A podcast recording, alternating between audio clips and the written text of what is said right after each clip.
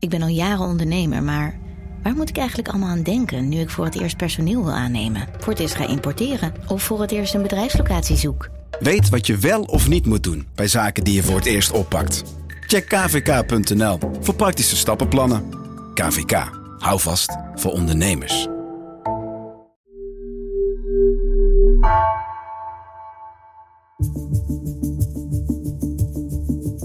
Vanaf de redactie van NRC het verhaal van vandaag.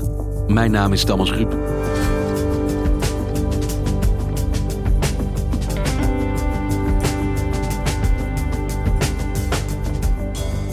Vandaag vinden in Iran verkiezingen plaats.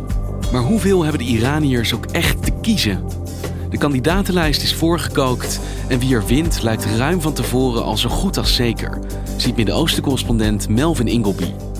Dus wat doe je als je wel mag stemmen, maar je stem zinloos voelt? Dan weiger je.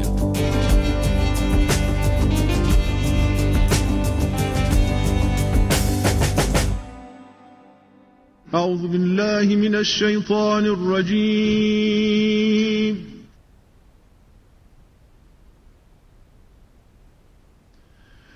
بسم الله الرحمن الرحيم we luisteren hier naar het derde debat in de Iraanse presidentsverkiezingen van deze vrijdag. En uh, die beginnen met een uh, voordracht uit de Koran. Uh, de zeven kandidaten zitten in een glimmende televisiestudio met één presentator voor hun. اجازه میخوام به بینندگان، شنوندگان و مخاطبان محترمی که از طریق سایر شبکه های رادیویی و تلویزیونی یا شبکه های... Het zijn allemaal mannen, de meeste zijn ook vrij oud. Um, en ze krijgen allemaal een aantal minuten het woord om een praatje te houden. En vervolgens uh, krijgen ze ook het woord om op elkaar te reageren. Maar het format is eigenlijk vrij slaapverwekkend. وقتی که اون حباب ها ترکید یعنی دولت اقدام و تحول Ja, ik moet inderdaad zeggen voor een verkiezingsdebat dat het niet al te verhit klinkt. Nee, het, het is vrij saai. Soms delen de kandidaten wel harde sneren naar elkaar uit. Dan noemt de een de ander uh, een verrader die te zacht is geweest uh, in onderhandelingen met de Amerikanen. اینکه آقای همتی رجزخانی نظامی و جنگی رو نمیداند of weer een kandidaat noemt een ander uh, ononderwezen en zegt dat hij afgezien van zijn islamitische uh, scholing geen diploma's heeft behaald. من از جناب رئیس سوالم اینه شما که فقط از نظر کارهای کلاسیک و تحصیلات شش کلاس سواد دارید. Dus er is ruimte voor debat en harde opmerkingen. Maar het format van deze debatten is erg saai. En eigenlijk um, maken deze debatten niet heel veel uit. Omdat heel veel Iraniërs het gevoel hebben dat het van tevoren wel een beetje vast ligt wie deze presidentsverkiezingen gaat winnen.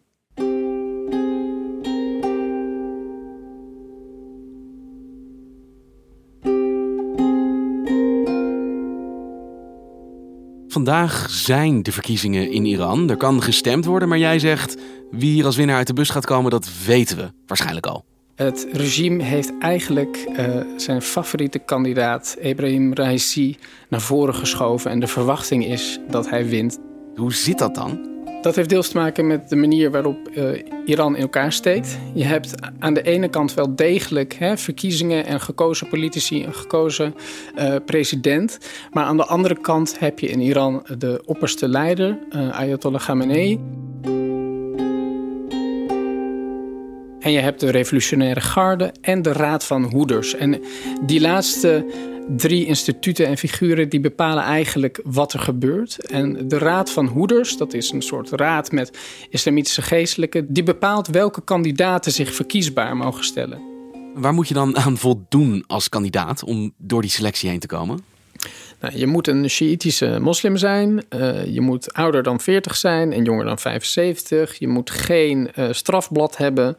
Uh, en dat strafblad dat heb je al als je hè, voor politieke redenen een keer veroordeeld bent. en zo zijn er nog wel heel veel andere redenen op basis waarvan de Raad der Hoeders kandidaten kan uitsluiten. En dat is dan ook gebeurd. Van de ongeveer 600 belangstellenden zijn er uiteindelijk maar zeven overgebleven.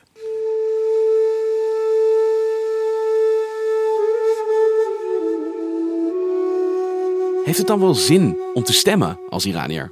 Nou, volgens heel veel Iraniërs niet. En de verwachting is dat de opkomst bij deze presidentsverkiezingen echt historisch laag wordt. Tijdens de vorige presidentsverkiezingen in 2017 was die opkomst nog uh, eh, 73 procent. Um, alleen dit keer is de verwachting uh, volgens uh, overheidspeilingen dat die opkomst 40% wordt. En volgens onafhankelijke peilingen zullen zelfs maar 25% van de Iraniërs een stem uitbrengen. Dat wijst erop dat heel veel Iraniërs helemaal geen vertrouwen meer hebben in verkiezingen. Op sociale media wordt al heel lang gesproken over een boycott.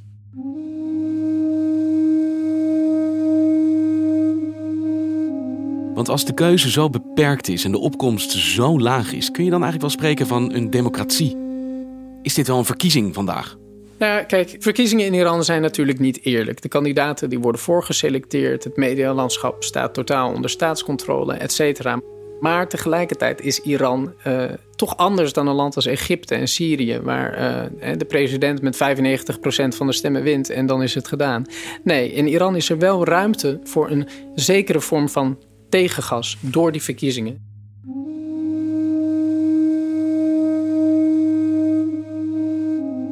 Die verkiezingen die waren lange tijd voor veel Iraniërs een manier om van zich te laten horen. Door voor uh, reformistische kandidaten te stemmen.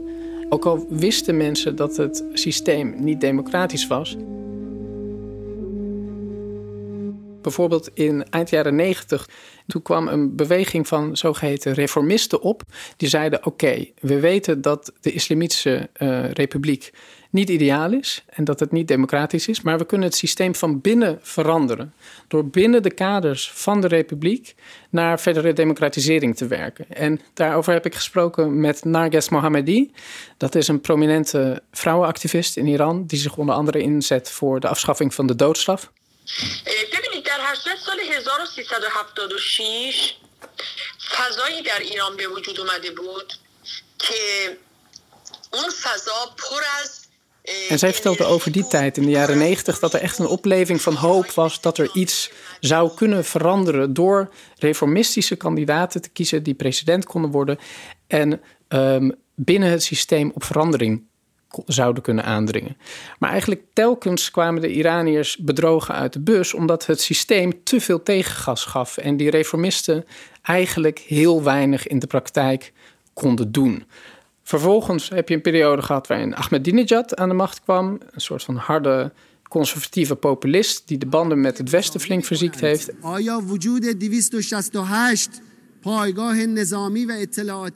En in 2013 waren er toen weer verkiezingen en werd Hassan Rouhani verkozen.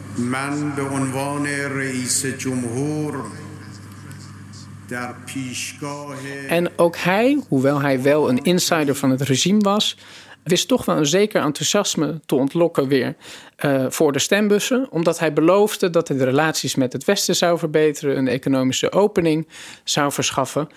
Maar acht jaar later uh, zijn de Iraniërs opnieuw teleurgesteld. Uh, vertelt ook Nargis Mohammedi mij.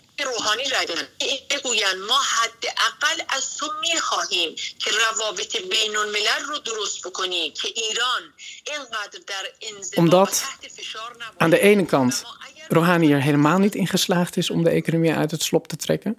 Maar ook omdat nadat er een nucleair akkoord werd gesloten met de Amerikanen onder Obama, Trump zich ineens uit dat akkoord terugtrok en keiharde sancties weer uitschreef tegen het Iraans regime. Iran's bloody ambitions have grown only more brazen.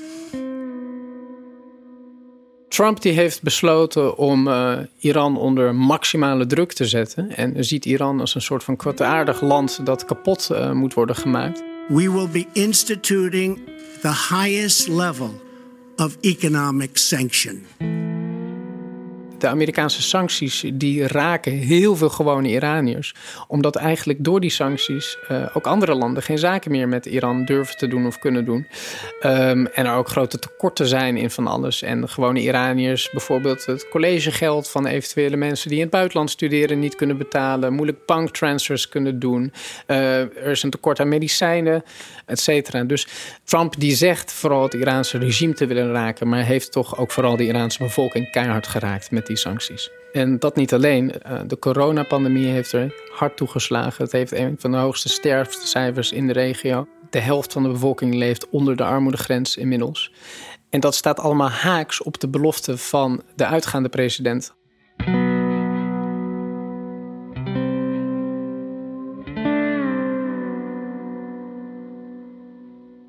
Ja, dus het land staat er gewoon heel belabberd voor en dan snak je natuurlijk naar verandering. Precies, en dat zagen we ook in de afgelopen jaren. Zowel in de winter van 2017-18 als in november 2019 Breaking news uh, happening right now. Anti government protests in Iran now widespread, also violent, deadly in several cases. There are bodies lying in the streets after a burst of gunfire. We just don't want you to be taken aback. But the crowds appear to be chanting, We don't want an Islamic republic and death to the dictator. En ook daartussendoor waren er heel veel protesten in Iran. En in die protesten van 2019 gingen door heel het land mensen de straat op. Uh, en zagen we dat het regime die protesten keihard neersloeg.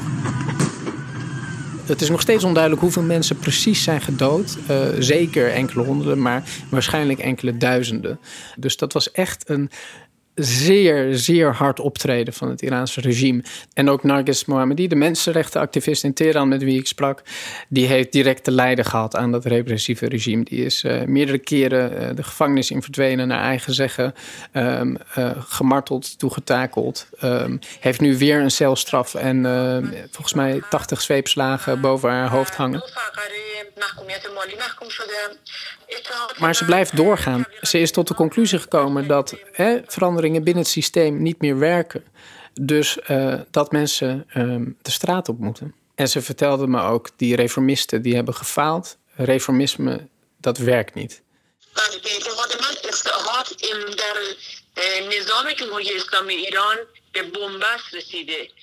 De democratie blijkt eigenlijk keer op keer echt geen democratie en de hervormers blijken steeds geen echte hervormers. En dan blijft er dus één ding over: niet stemmen. Ja, ik denk waar eerst Iraniërs hun stem uitbrachten om te laten zien dat ze er zijn. Um, zijn er nu heel veel Iraniërs die juist niet gaan stemmen, ook om te laten zien dat ze er zijn. En een duidelijk signaal uit te sturen dat ze de legitimiteit van de Islamitische Republiek in twijfel trekken.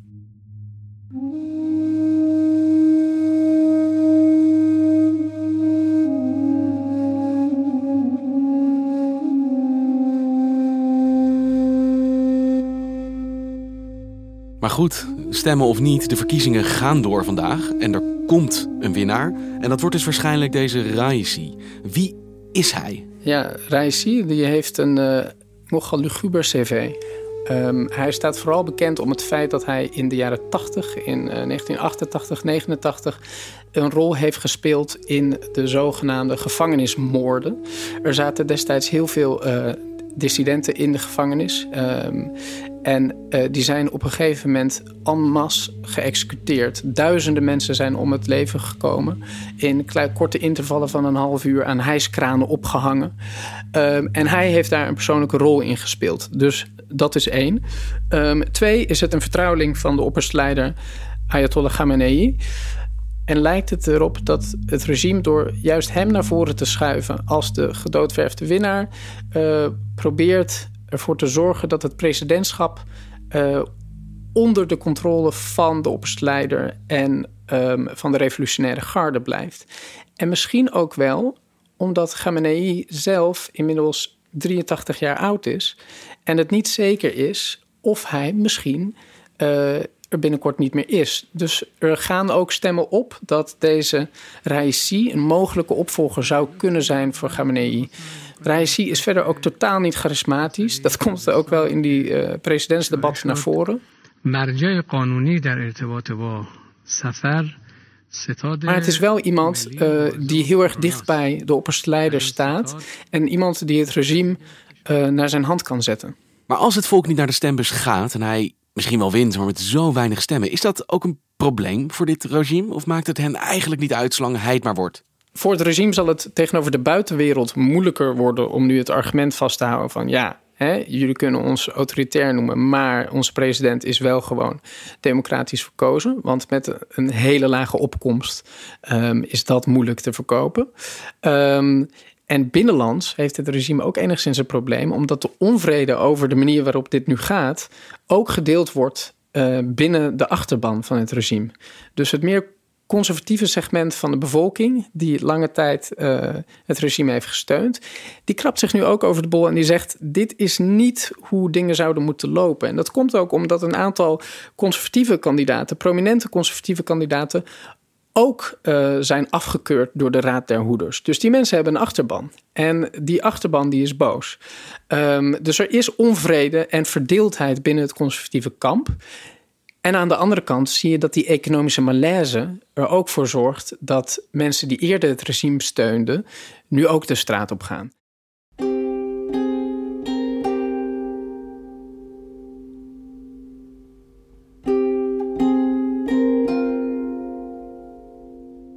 Want wat gaat zijn aantreden betekenen voor ja, de gemiddelde Iranier? Nou, als hij wint, dan uh, denk ik dat Raisi in de eerste plaats er alles aan zal doen om de economie iets uit het slop te trekken. Ik denk dat hij, ondanks het feit dat hij uit het conservatieve kamp uh, komt, net zo goed zal aansturen op een nieuwe deal met de Amerikanen. En dat hij zal proberen een aantal van de Amerikaanse sancties te laten opheffen. Um, ik denk ook dat hij toch zal proberen om die economische onvrede uh, deels weg te nemen met uh, economisch populistische maatregelen, um, handouts aan het volk. Uh, maar de vraag is of dat helpt, want de rot in het systeem zit heel erg diep. En die sancties, dat die zijn niet de enige reden voor, uh, voor de economische malaise in Iran. Er is systematische corruptie. En hoewel Raisi zich heel erg voordoet als een kandidaat die de corruptie gaat aanpakken, is hij natuurlijk de totale insider. Dus hij maakt onderdeel uit van dat netwerk van cronies uh, die het geld en de macht uh, naar zich toetrekt. Hij is net zo goed een product van die corruptie. In zekere zin is hij de typische politicus die we nu heel vaak zien in heel de wereld, die doet alsof hij um, op zou komen voor de kleine man, maar eigenlijk totaal onderdeel is van het uh, establishment.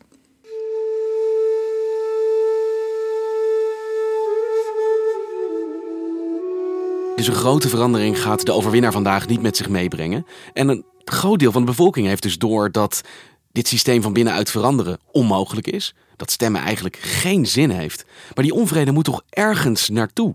Ja, en wat je deels ziet is dat die onvrede deels bijvoorbeeld online actief tot uiting komt. Zo heb je hele actieve debatten op Clubhouse, uh, die gespreksapp, waarbij uh, honderden, duizenden mensen in zogenaamde virtuele kamers met elkaar in debat kunnen over de politiek. En daar zie je een heel erg levendig debat. Maar het probleem is dat er weinig leiders zijn voor deze ontwikkelingen. Die zowel de steun ontvangen van die jonge activisten, als van dat meer conservatieve deel van de bevolking die vanwege economische redenen ook heel erg um, klaar is met het systeem. De oppositie slaagt er niet in om een brug te slaan tussen die twee vormen van verzet. Dus aan de ene kant hè, die jonge activisten die allemaal in Clubhouse uh, bespreken wat ze met hun land willen. En aan de andere kant iemand uh, van een bescheidene achtergrond die, uh, die conservatief is, die het regime lange tijd gesteund is, maar het nu ook beu is. Dus er is heel veel energie. Maar ik zie niet waar die binnenkort heen kan. Het is een hoge drukpan zonder ventiel. Ja, dat zou je kunnen zeggen inderdaad. Omdat er heel veel onvrede is, maar het ook wel te verwachten valt dat het regime eventuele nieuwe protesten weer net zo goed keihard uh, de kop in zal drukken. Maar ondanks dat alles denk ik toch dat die onvrede, die moet eruit. En uh, Narges Mohammedi, uh, de activist in Teheran met wie ik sprak, die zei ook dat wie er ook wint vandaag en al komt iemand als Raisi aan de macht en heeft het regime dus echt iemand die heel dichtbij zich staat, dan nog uh, zullen Iraniërs de straat op blijven gaan en dan nog zal de roep om verandering niet uitsterven.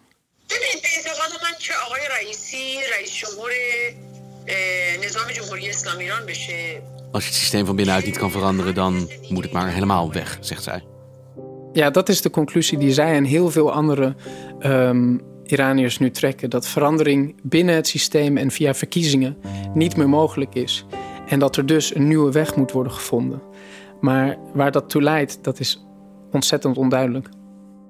Dankjewel, Melvin. Graag gedaan.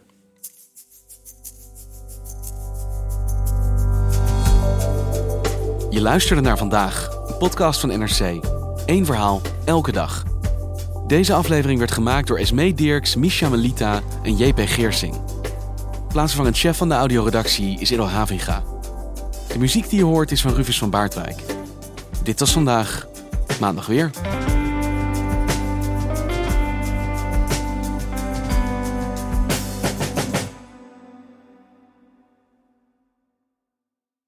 Technologie lijkt tegenwoordig het antwoord op iedere uitdaging. Bij PwC zien we dit anders. Als we de potentie van technologie willen benutten, kunnen we niet zonder een menselijk perspectief. Human-led, tech-powered noemen we dat. Ga naar pwc.nl.